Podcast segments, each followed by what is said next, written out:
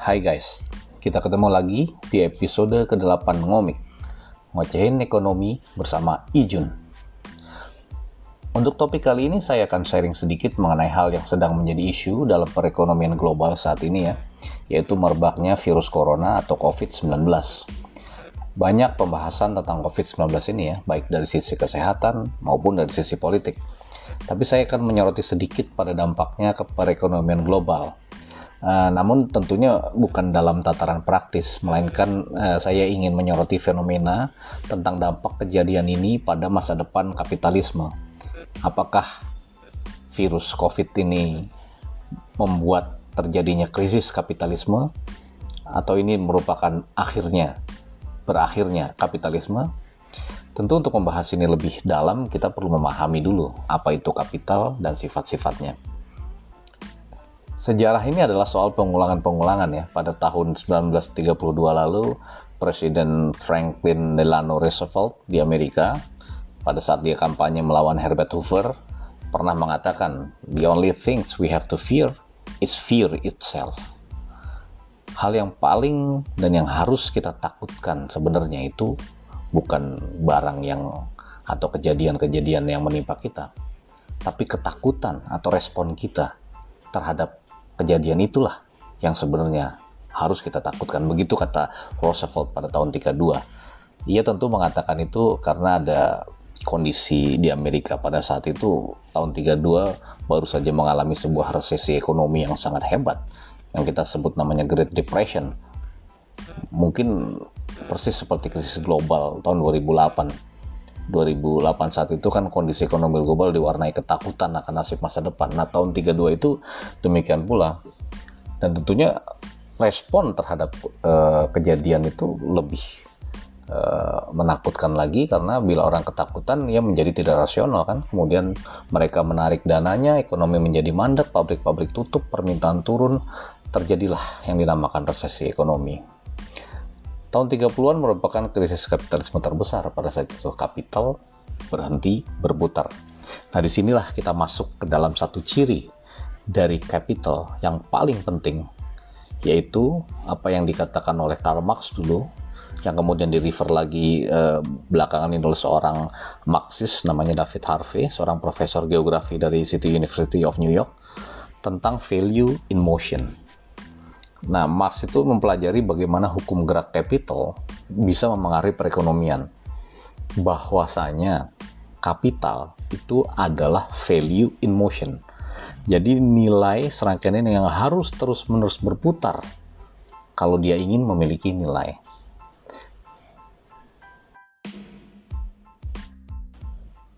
Dalam bukunya The Enigma of Capital, Harvey mengulas mengenai arus capital ini atau capital flow ini adalah sifat dasar dari kapitalisme ya yang yang membuat tadi bahwa capital itu harus terus-menerus bergerak.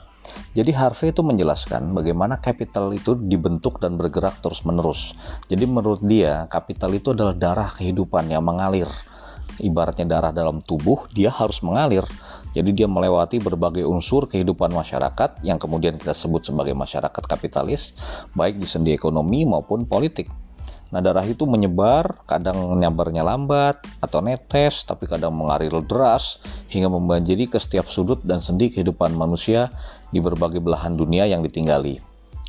Sifat kapital yang terus-menerus bergerak ini tidak selamanya buruk kita justru harus berterima kasih pada aliran kapital tersebut karena dengannya kita dapat menjalankan kehidupan sehari-hari. Ya kan kita bisa beli roti, beli pakaian, beli mobil dan tempat tinggal. Jadi Harvey di buku Enigma of Capital itu menunjukkan bahwa upaya-upaya kalau mengganggu arus kapital atau membuat kapital itu tadi berhenti atau melambat itu seperti mencoba menghentikan darah yang ada dalam tubuh manusia akan terjadi problema atau masalah. Dan di sinilah yang biasanya disebut terjadinya krisis dalam kapitalisme. Bila arus kapital berhenti, kehidupan sehari-hari terganggu, dan kita tentu akan mengubah berbagai kebiasaan nyaman yang sudah ada sebelumnya. Tentunya Harvey menganalogikan begini nih, uh, dia mencoba mendekonstruksi pemikiran-pemikiran Marx uh, tentang uh, capital itu tadi. Jadi yang mengibaratkan ya sirkulasi capital itu seperti darah dalam tubuh manusia, tapi juga seperti uh, siklus gerakan air. Jadi dimulai dari laut, kemudian air laut itu kan menguap jadi awan. Awan itu bergerak menuju daratan atau gunung. Kemudian ada uap air di awan turun ke bumi bisa dalam bentuk hujan atau salju. Dari situ air itu mengalir melalui sungai hingga balik lagi ke lautan. Siklus dari air sampai laut kembali itu dimungkinkan oleh satu energi yang dinamakan oleh matahari, yang dinamakan matahari. Nah, hal menarik yang dilihat oleh Harvey dari pergerakan air tersebut adalah siklus pergerakan air mengandung berbagai transformasi bentuk. Air bisa berubah jadi uap, uap jadi awan, kemudian jadi hujan, hujan jadi air kembali.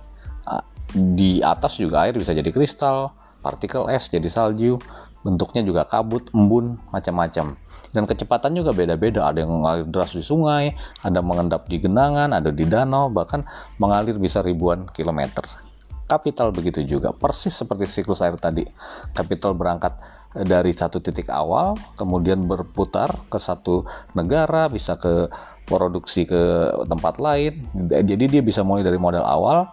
Modal awal itu berupa uang, misalkan uang itu kemudian diproduksi menjadi komoditas, bikin handphone, bikin uh, tas. Kemudian produksi itu dijual, dijual, didistribusikan dalam berbagai macam bentuk ukuran, kemudian uh, hasilnya uang itu kan. Dapat upah dapat gaji dapat sewa kemudian kembali lagi jadi uang modal dikembalikan kepada produksi awal.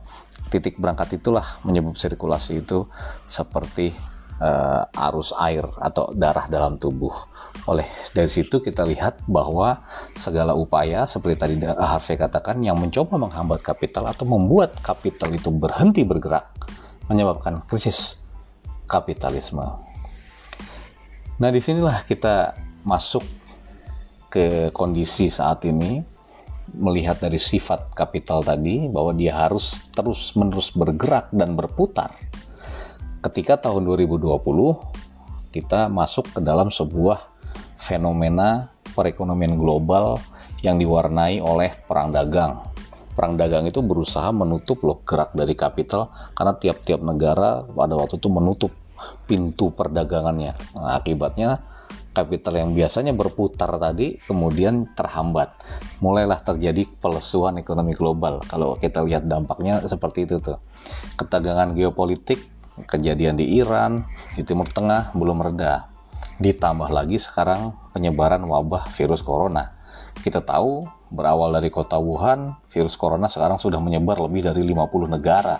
Bahkan sampai di Eropa, di Italia pun ada satu kota, beberapa kota sudah di lockdown khusus di dataran Cina aja total sudah lebih dari 2.835 kematian kan?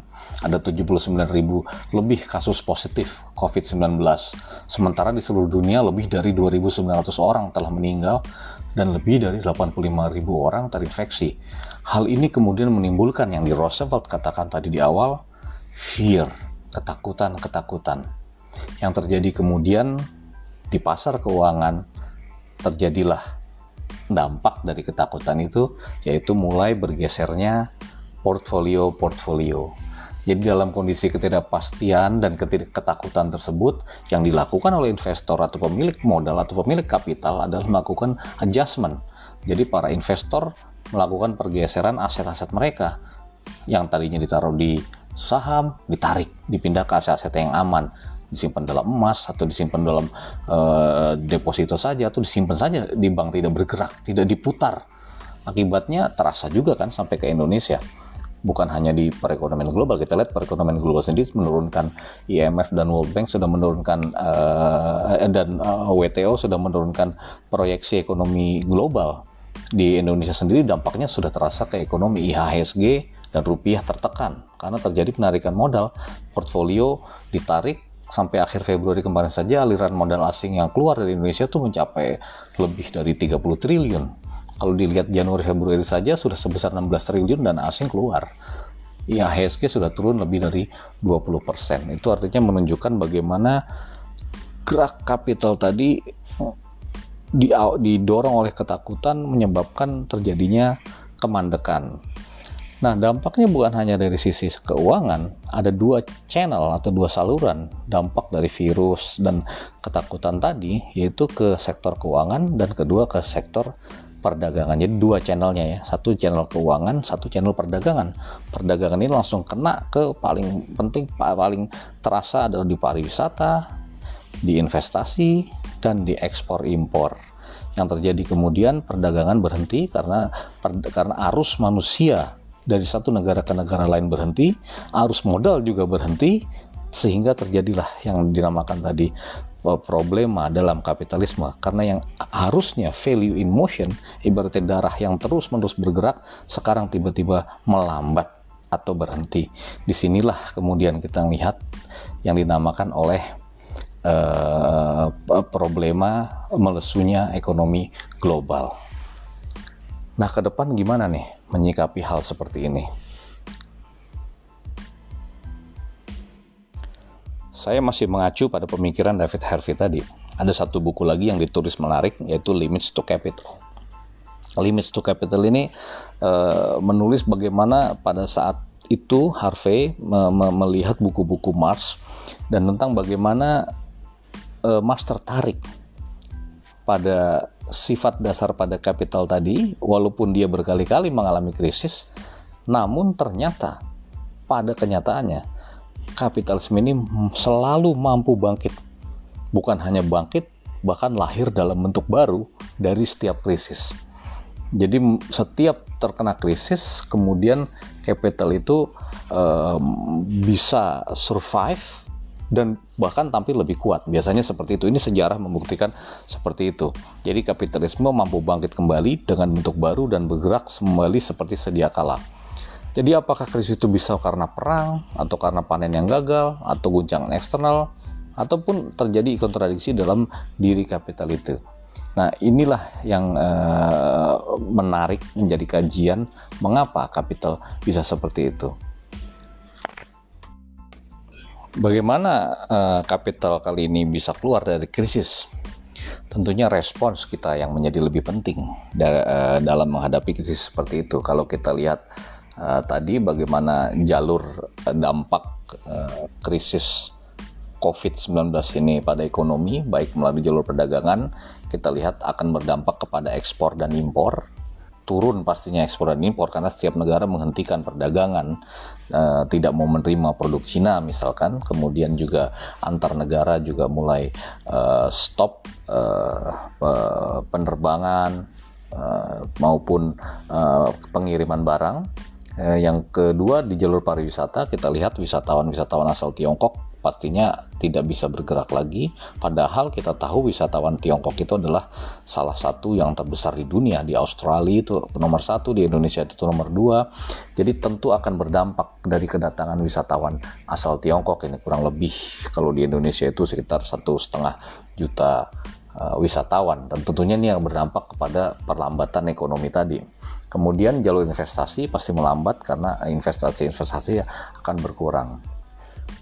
Nah, kalau kita bisa melihat uh, sumber masalahnya, pertama tadi adanya ketakutan, kedua adanya perlambatan yang berdampak melalui jalur-jalur tadi, tentunya respons yang kita harapkan adalah bagaimana melakukan uh, counter terhadap Eh, sumber-sumber masalah itu. Pertama adalah bagaimana kita merespon ketakutan itu sendiri.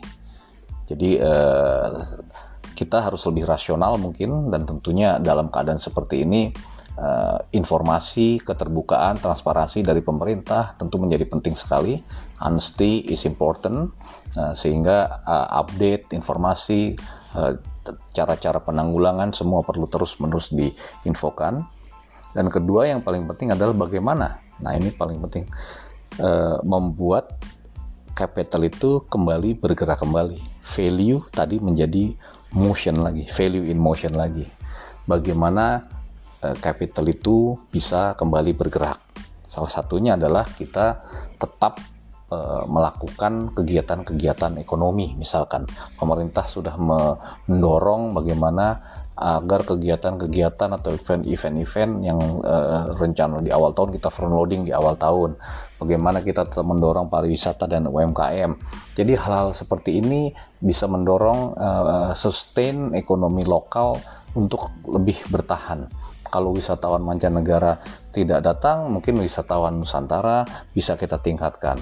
Nah tentunya di sinilah uh, cara kita untuk dapat keluar dari uh, tekanan global seperti saat ini. Tentunya tidak ada yang tidak pasti, tapi dengan tidak ada yang pasti, tapi dengan melihat pada sejarah dan melihat bagaimana kapitalisme dengan sifat dasarnya yang dia harus terus-menerus berputar, yang sifat dasarnya dia harus terus-menerus berakumulasi, dan bagaimana dia dari setiap tahun, setiap menghadapi krisis, dia bisa mengatasi hambatan tersebut Uh, mungkin ini tidak sama dengan yang lalu-lalu. Mungkin ini juga uh, penyelesaiannya tidak secepat yang seperti tahun-tahun lalu, tapi saya tetap optimis bahwa uh, pada saatnya kapital kali ini akan dapat mampu mengatasi masalah-masalahnya. Dan untuk itu tentunya respon kita menjadi penting untuk mengatasi hal tersebut. Tentunya kita harus tetap optimis, kita harus terus berdoa, kita terus harus menerus uh, berharap bahwa ini lebih ini akan ada jalan keluar yang lebih baik. Kira-kira itu yang bisa saya share tadi mengenai sifat dari capital, virus corona, dan ketakutan yang ada dan bagaimana prospek ke depannya. Sampai jumpa lagi di episode ngomik, ngobrolin ekonomi bersama Ijun selanjutnya.